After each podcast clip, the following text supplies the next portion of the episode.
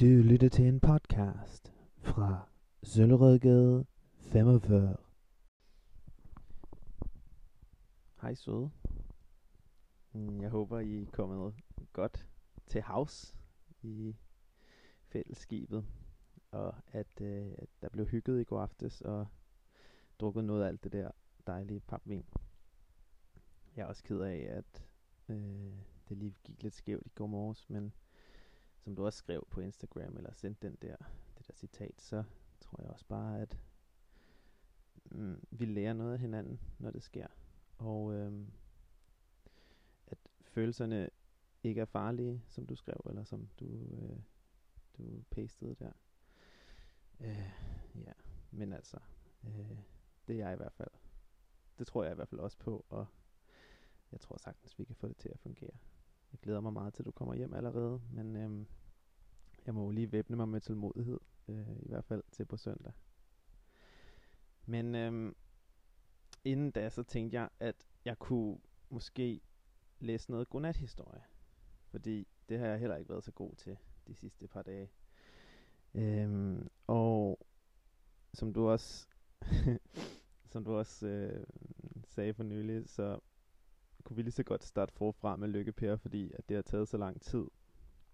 Og du kan ikke huske sammenhængen, og det kan være, at du også er faldet i søvn, mens jeg har øh, læst op tidligere, og måske ikke lige helt, helt øh, kunne følge med.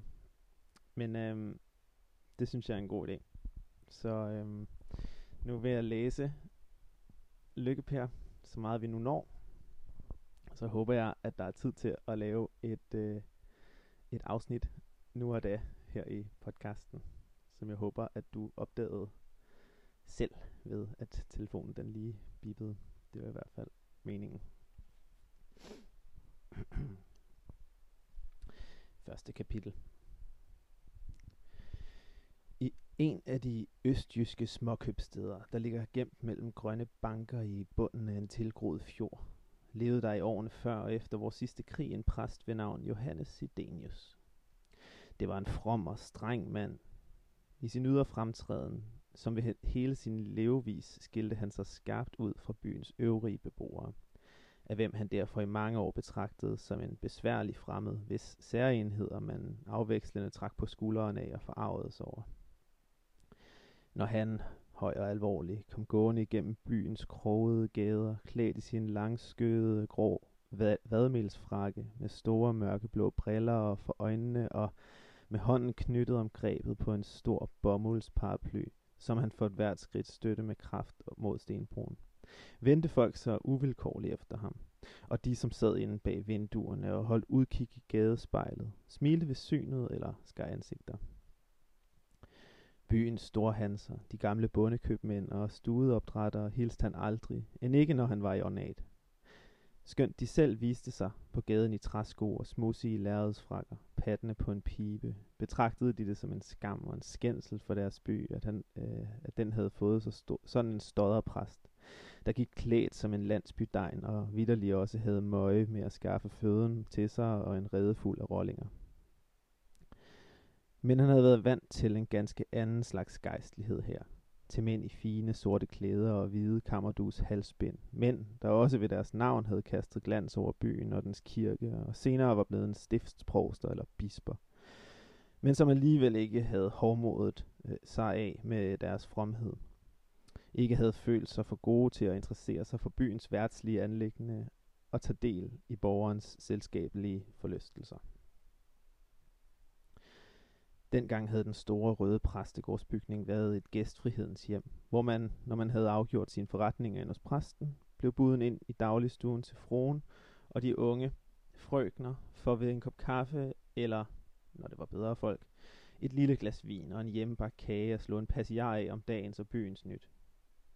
Nu betrådte folk ikke præstegården uden tvingende grunde, og aldrig kom man længere end til pastor Sidenius gravkammeragtige studerværelse, hvor gardinerne gerne var rullet halvt ned, fordi præstens øjne ikke tålte genskinnet fra murene over på den anden side af den snævre gade.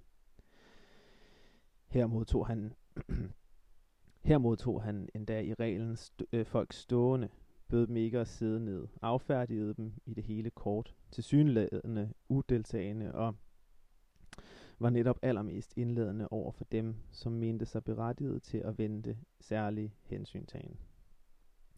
Selv byens embedsfamilier havde ophørt at aflægge visitter i præstegården, efter at det var hændet dem, at pastor Sidenius, i stedet for at byde forfriskninger, havde givet sig til at udspørge dem om deres tro, og i det hele taget tiltalt dem på en måde, som, var, som om de var ko- øh, konfirmander, der stod på kirkegulvet. En ganske særlig forbitrelse vagte han ved de store borgerbegravelser, til, øh, til hvilke befolkningen mødte i festligt optog, med hornmusik og floromvundne lavsfaner. Embedsmændene i guldbaldyrede uniformer og med hanefjer i hatten, alle efter deres egen mening særlig velstemte til andagt og opbygget, opbyggelse efter den lette portvinsfrokost i sørgehjemmet i stedet for en stor tale med den sædvanemæssige lovprisning af den afdøde indskrænkede pastor Sidenius sig ufravigeligt til fremsigelsen af en bøn, sådan som det ellers kun brugtes over for udøbte børn og fattige. Ikke et ord om den hensåredes hederlige karakterer og stræbsomme vandel. Ikke en hensydning til hans fortjenester af byens opkomst, til hans oprørende interesse for brolægningsvæsenet eller det kommunale vandværk, det var næppe nok, at den afdøde overhovedet blev nævnt ved graven, og der altid kun med tilføjelser som denne usle støvhob eller denne føde for ormene. Og jo større og mere anset den forsamling var, hvortil han talte, jo flere faner og bannere, der smældede i blæsten omkring graven, des kortere blev bønden, des ynkværdigere blev i hans tale de levninger, hvorom man var samlet, så at følget skiltes under en ophidselse, der mere end en gang på lydelig måde havde givet sig luft på selve kirkegården. De eneste af byens folk, der havde deres gang i præstegården, var et par små, forvoksede gamle damer fra byens jomfrukloster, samt en bleg, langskægget kristusfigur af en skræddersvend, foruden endnu enkelte andre såkaldte vagte af de ubemidledes klasse, som i pastor Sidenius hjem havde fundet en længe savnet tilflugt i den værtslig senede by. Om nogen egentlig omgang var der dog alene af den grund ikke tale, at fru Sidenius var meget svag og i de sidste år havde ligget til sengs. Men for resten var pastor Sidenius selv ganske uden anlæg for det selskabelige, og hans tilhængere søgte ham kun i trosanlægner. Derimod mødte de regelmæssigt hver eneste søndag i kirken, hvor de forsamlede sig på en bestemt plads umiddelbart under prædikestolen og vagte forarvelse blandt de øvrige kirkegængere ved på en tilskuestillende måde at synge selv de allerlængste salmer uden en eneste gang at se i salmebogen. Pastor Sidenius tilhørte en el gammel og vidt udbredt præsteslægt, der kunne føre sine aner helt tilbage til reformationen.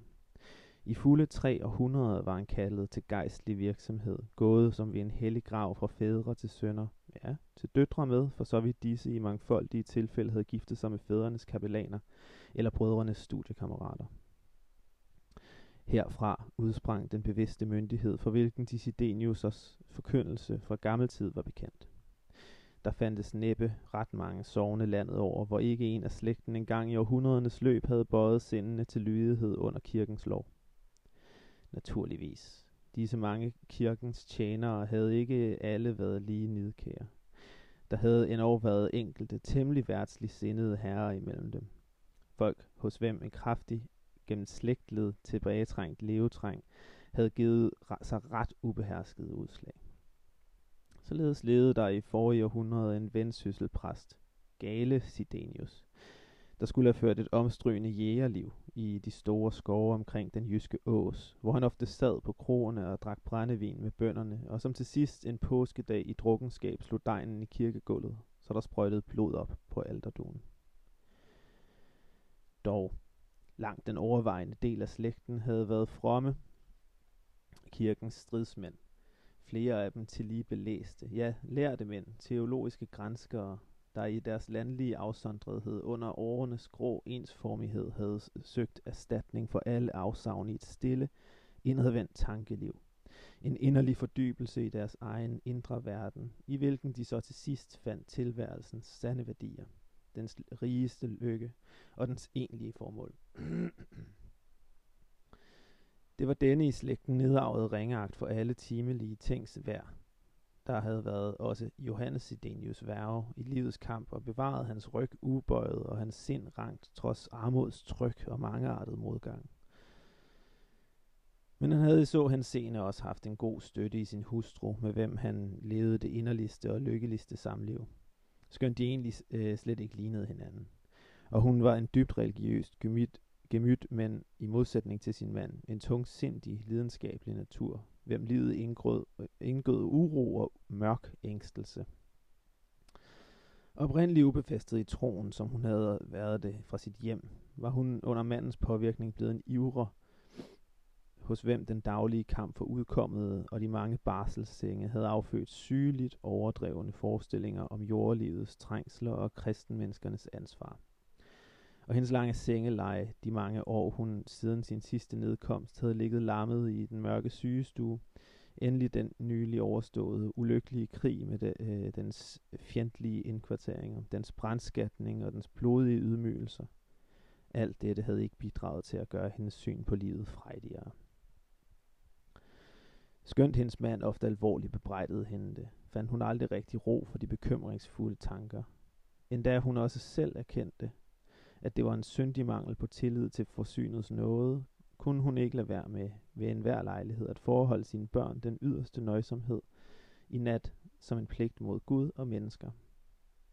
Hun kunne opføres, hun kunne oprøres som over en forbrydelse, når hun øh, hørte om borgernes levevis der i byen, om deres selskaber med mange retter mad og tre-fire slags vin, om fruens silkekjoler og de unge pigers guldsmykker. Ja, hun kunne en også ondt ved at tilgive. Ja, hun havde en også ondt ved at tilgive sin egen mand, når det engang imellem hente, at han kom hjem fra spa- sin spaceretur med en eller anden beskeden gave, som han med et vist, tavst galanteri henlagde foran hende på dynen, et par roser i et krammerhus, lidt fin frugt eller en lille krukke ingefærsyltetøj for hendes nattehoste. Hvis nok blev hun både glad og rørt for hans opmærksomhed, men hun kunne dog alligevel ikke lade være, øh, aldrig lade være med at sige, mens hun ømt kyssede hans hænder. Du skulle nok, du skulle nu, du skulle nu dog hellere have lavet være, du gode. I dette hjem opvoksede en kul kønne, lidt kirtelblege børn. 11 i tal, fem lysøjede drenge og seks lysøjede piger, der alle var let genkendelige gennem byens øvrige ungdom blandt andet på grund af nogle usædvanlige hal- halskraver, der gav drengene et lidt pigeagtigt og halvvoksne piger et lidt mandfolkagtigt udseende. Drengene bar desuden deres brune hår langt og lokket, så det nærmest nåede, så det nåede dem næsten til skuldrene, mens pigebørnene lå fast nedglattet over hovedbunden og kun ved, en, ved hver tænding havde en lille hård flætning, der var lagt i en bue foran ørerne. Forholdet mellem forældre og børn, som overhovedet i tonen i hjemmet. Forholdet mellem forældre og børn, som overhovedet tonen i hjemmet, var gennemført patriarkalsk. Under de taglige, ja, fattige måltider, som regelmæssigt indledes med en bøn, sad faren for enden af det lange, smalle bord med sine fem sønner ordnet efter alder langs den ene side, og de fem døtre i tilsvarende rækkefølge langs den anden. Mens den ældste datter, den huslige Sine, i morens forfald indtog pladsen så ved den anden bordende. Aldrig faldt det nogen af børnene ind og tale uden at være adspurgt. Men faren talte ofte til dem, om deres skoleundervisning, om deres kammerater og deres lektier, og kom derved gerne ind på selv at fortælle. På belærende måde skildrede han forhold og begivenheder fra sin egen ungdom, fortalte om datidens skolegang, om livet i hans fars og farfars lærklinede præstegård osv. Under tiden, når han var særligt oplagt, kunne han endnu fortælle spøgefulde anekdoter fra sin studenterdage i København, fra regenslivet eller fra studenternes kode løjer med natvægter og politi. Men havde han på denne måde fået børnene til at le, forsømte han aldrig til sidst at give sin fortælling advarslens form og formanede at vende deres sind og tanker imod livets alfor og pligtens bud. Denne store børneflok, og navnlig den fremgang, den havde, Først i skolen, siden ude i livet, var efterhånden blevet pastor Sidenius stolthed, og samtidig med en ydmyg taknemmelighed modtaget vidnesbyrd om, at Herrens velsignelse hvilede over hans hus. Det var nu også en opvagt, læselysten, frem for alt strengt pligtro ungdom, ægte Sideniuser, øh, der efter, en efter en voksede op i farens billede. Jeg slægtede ham på i, også i alle ydre småtræk. Lige til den selvbevidste holdning og den taktfaste soldatermæssige gang. Der var kun ét af børnene, af hvem forældrene havde sorg. Det var et af de mellemste. En dreng, der hed Peter Andreas. Han var ikke alene uregerlig i skolen, så der stadig en løb klage over ham, men alene allerede i tidlig alder sporedes der hos ham en overlagt opsætsighed mod hjemmets skik og orden. Han var ikke blevet 10 år, før han nægtede sine forældre lydighed, og jo ældre drengen blev, des tydeligere åbenbarede der sig hos ham en udæskende, overmodig trods, som hverken tugt eller tvang eller herrens formaning formåede at kue. Pastor Sidenius sad ofte rådløs ved sin hustrus seng og talte om denne søn, der hos dem begge vagte en skræmmende erindring om hin vandslægtede vendsysselpræst, hvis navn stod som printet med blod på slægtens stamtavle. Og uvilkårligt påvirket af forældrenes for, øh, holdning, så efterhånden også hans søskende på ham med fremmede øjne og undvig ham i sky i deres leje. Nu var drengen også kommet til, en, til verden i en uheldig time, nemlig på det tidspunkt, da faren fra et ensomt liggende og fattigt befolket hedesovn forflyttedes herind til købstaden og optogs af en omfattende embedsvirksomhed. Peter Andreas var herved blive, øh, tilfældigvis blevet den første af alle børnene, hvis tidligste opdragelse han havde måttet overlade til moren. Men denne havde i de år, da Peter Andreas var lille, altid haft mere end nok at gøre med at tage vare på de endnu mindre, og da hun til sidst, lammet af sin sygdom, søgte at samle alle de små omkring sin seng, var han allerede blevet for stor til herfra at kunne holde øje med ham og hans færd. Således gik det til, at Peter Andreas, så at sige, fra sin fødsel blev en fremmed i sit eget hjem. I sin første leveår havde han sit tilhold i pigekammeret og over i udhuset hos en gammel brændehugger, hvis nøgterne betragtninger over alle forfaldende begivenheder tidligt påvirkede drengens virkelighedssans. Senere fandt han ligesom et andet hjem i nabolagets store købmandsgård med tilhørende tømmerpladser, og mellem hvis gårdskarle og krambodsvende han, han ligeledes tilegnede sig et ganske værtsligt syn på livet og det goder. Samtidig udviklede dette friluftsliv hans krop og lagde et kraftigt teglstensrødt på hans tykke kinder. Blandt gaden og tømmergårdenes ungdom blev han snart frygtet på grund af sine kræfter – og han opkastede sig til sidst til fører for en lille skar af små røvere, der huserede omkring i byen. Uden at nogen i hjemmet vidste det, voksede han op som en lille vild. Det var først, da han blev ældre, og navnlig, da han i 9-årsalderen var kommet ind på byens latinskole, at drengenes farlige tilbøjeligheder blev rigtig åbenbare, og forældre og lærere fik nu travlt med at råde bod på, hvad der var forsømt. Men da var det for Sille. Inde i Pastor Sidenius studerværelse stod der en dag i efterhøsten en af byens småborgere for at bestille barnedåb til om søndagen. Han havde udrettet sit ærne med, øh, med så få omsvøb som muligt, og stod allerede med hånden på dørlåsen for at gå, da han efter kort betænkning der vendte sig mod stuen og temmelig udfordrende sagde, jeg kunne forresten med det samme anmode her pastoren om at være så venlig at indholde deres søn fra min have. Han og nogle andre drenge har meget ondt ved at lade mine kaviller i fred. Og det skytter jeg, rent udsagt, ikke stort om. Pastor Sidenius, der sad dybt bøjet over skrivebordet med sine store mørkeblå briller skubbet op i panden, i færd med at indføre faderens navne i kirkebogen, rejste sig ved disse ord langsomt hovedet. Skød brillerne på plads og sagde skarpt, Hvad er det, de siger? Vil de beskylde min søn for at... Ja, det vil jeg, vedblev den anden med en hånd i siden, særdeles tilfreds med en gang at kunne triumfere over den selvbevidste præst. Herr pastorens søn, Peter Andreas hedder han nok. Han er nu til og med som en slags hovedmand for disse her små gavtyve, der øh, kryber over folks plankeværker. Og ret skal vel være ret, også med præstens, øh, pastorens børn. Jeg vil ellers blive nødsaget til at henvende mig til politiet. Og så kan det jo let blive til en offentlig afstraffelse for drengen på rådstuen, og det ville vel ikke være så heldig i betragtning af pastorens embedsstilling her i byen. Pastor Sidenius lagde med en usikker bevægelse pinden bort og rejste sig. Min søn, gentog han, og hele hans læge skælvede. Mens dette foregik i præstens stue, sad den lille sønder hen på skolen og skjulte sin dårlige samvittighed for læreren og kammeraterne bag en høj stabel bøger.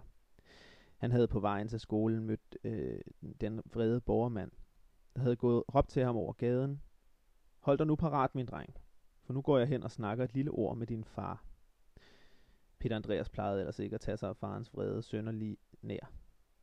Men han havde denne gang undtagelsesvis en fornemmelse af, at han havde begået noget uværdigt, og han følte sig endnu mere og mere utilpas efterhånden, som tiden nærmede sig, da han skulle hjem. Med røde øren luskede han ind gennem præstegårdsporten og forbi det forstuevindue, hvorfra faren plejede at passe ham op og kalde ham ind, når han havde forbrudt sig. Men vinduet forblev lukket. Heller ikke ude på gårdspladsen, hvor vejen øh, gik til køkkenindgangen, så han noget til faren, og han begyndte allerede at trække vejret lettere. Manden har naturligvis bare ville tro, tænkte han, og drev ind i køkkenet, for som sædvanligt at høre til middagsmaden. Grebet af et pludseligt overmod, vågede han sig endnu ind i sovekammeret for at sige goddag til moren. Men her stansede han, stansedes han straks i døren af et mørkt blik henne fra sengen. Med hår, ligesom fremmed stemme, sagde moren, gå ind på dit kammer, jeg vil ikke se dig. Drengen blev stående lidt. Han kunne se på moren, at hun havde grædt. Hører du ikke? Bliv inde på dit kammer. Jeg vil ikke se dig. Drengen blev stående lidt. Han kunne se på moren, at hun havde grædt.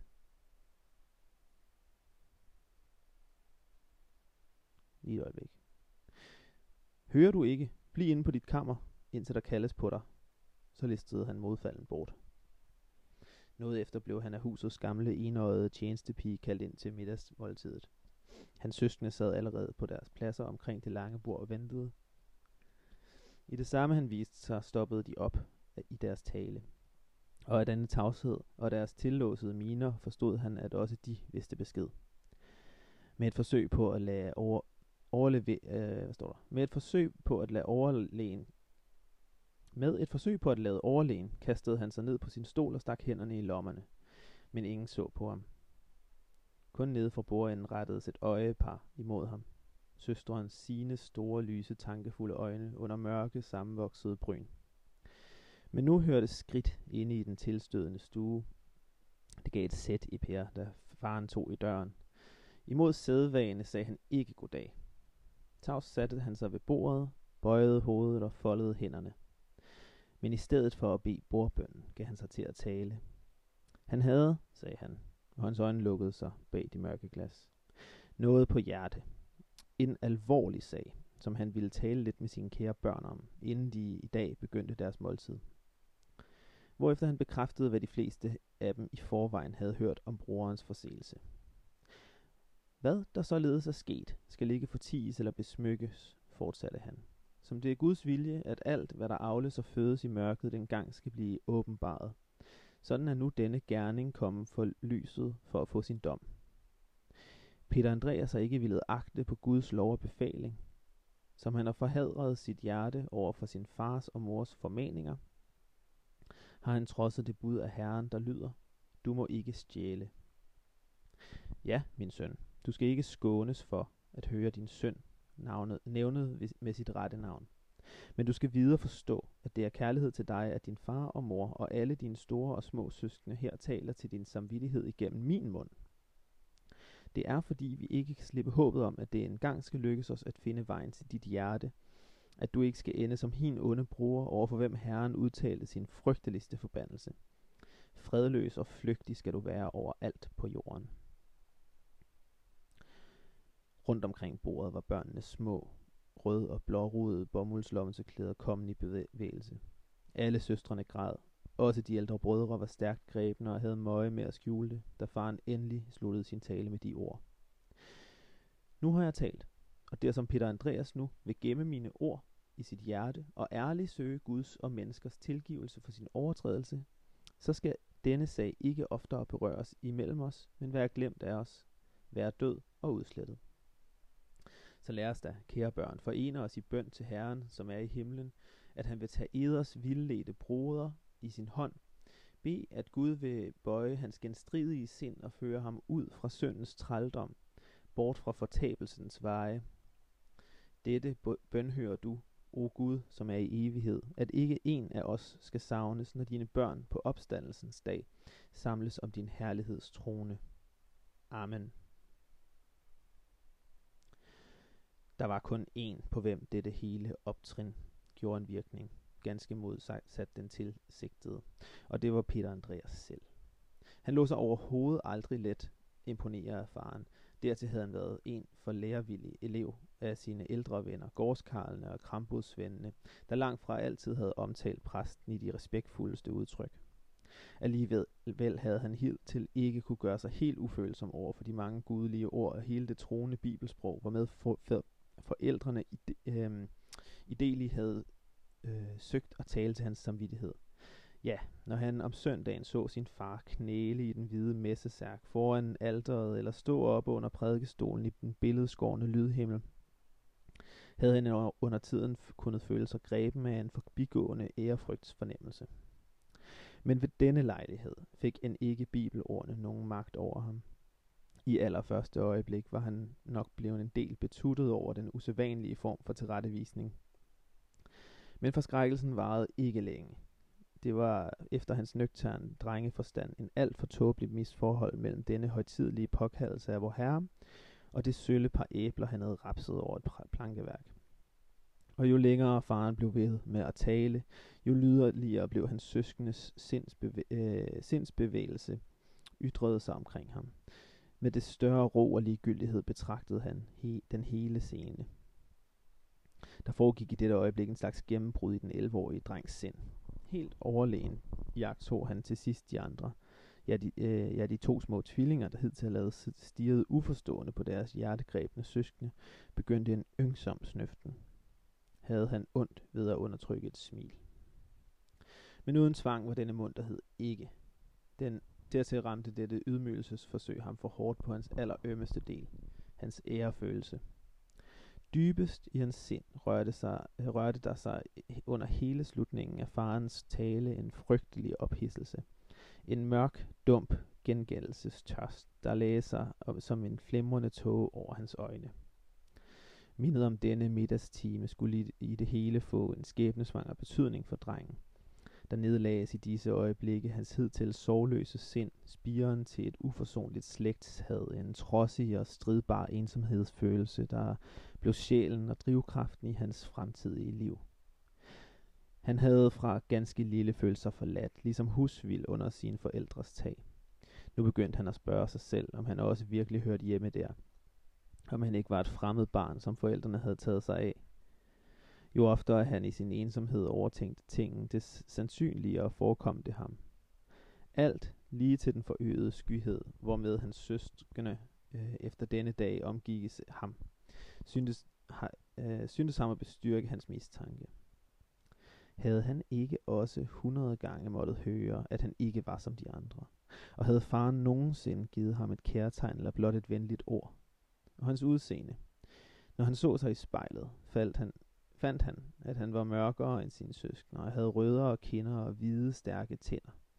Han huskede nu også, hvordan naboens gårdkarl engang, ligesom for spøj, havde kaldt ham en gavner og en taterunge.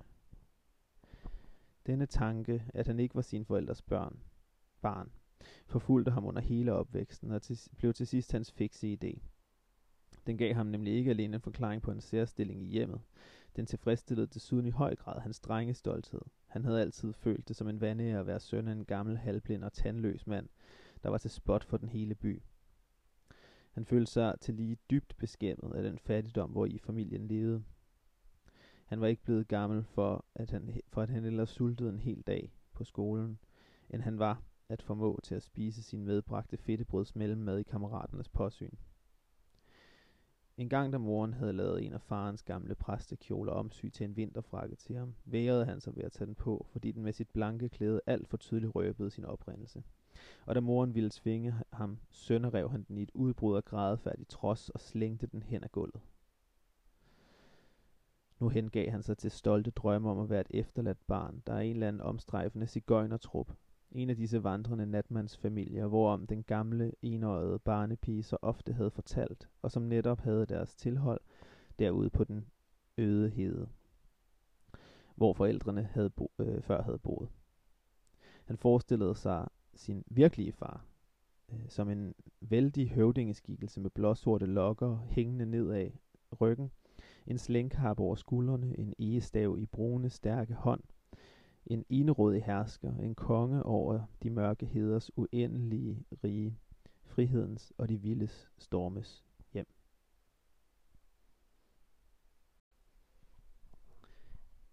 Det var første afsnit af den nye podcast med en lytter, der hedder Bøf.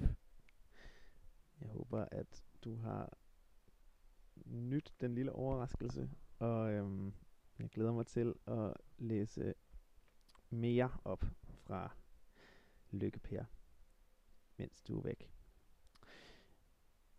Jeg håber, at du sover allerede, men ellers, hvis du ikke gør, så håber jeg, at du sover meget snart, og du sover godt. Jeg er så glad for, at øh, du er blandt venner, som du er tryg ved lige nu, og jeg glæder mig til at se dig igen. Godnat.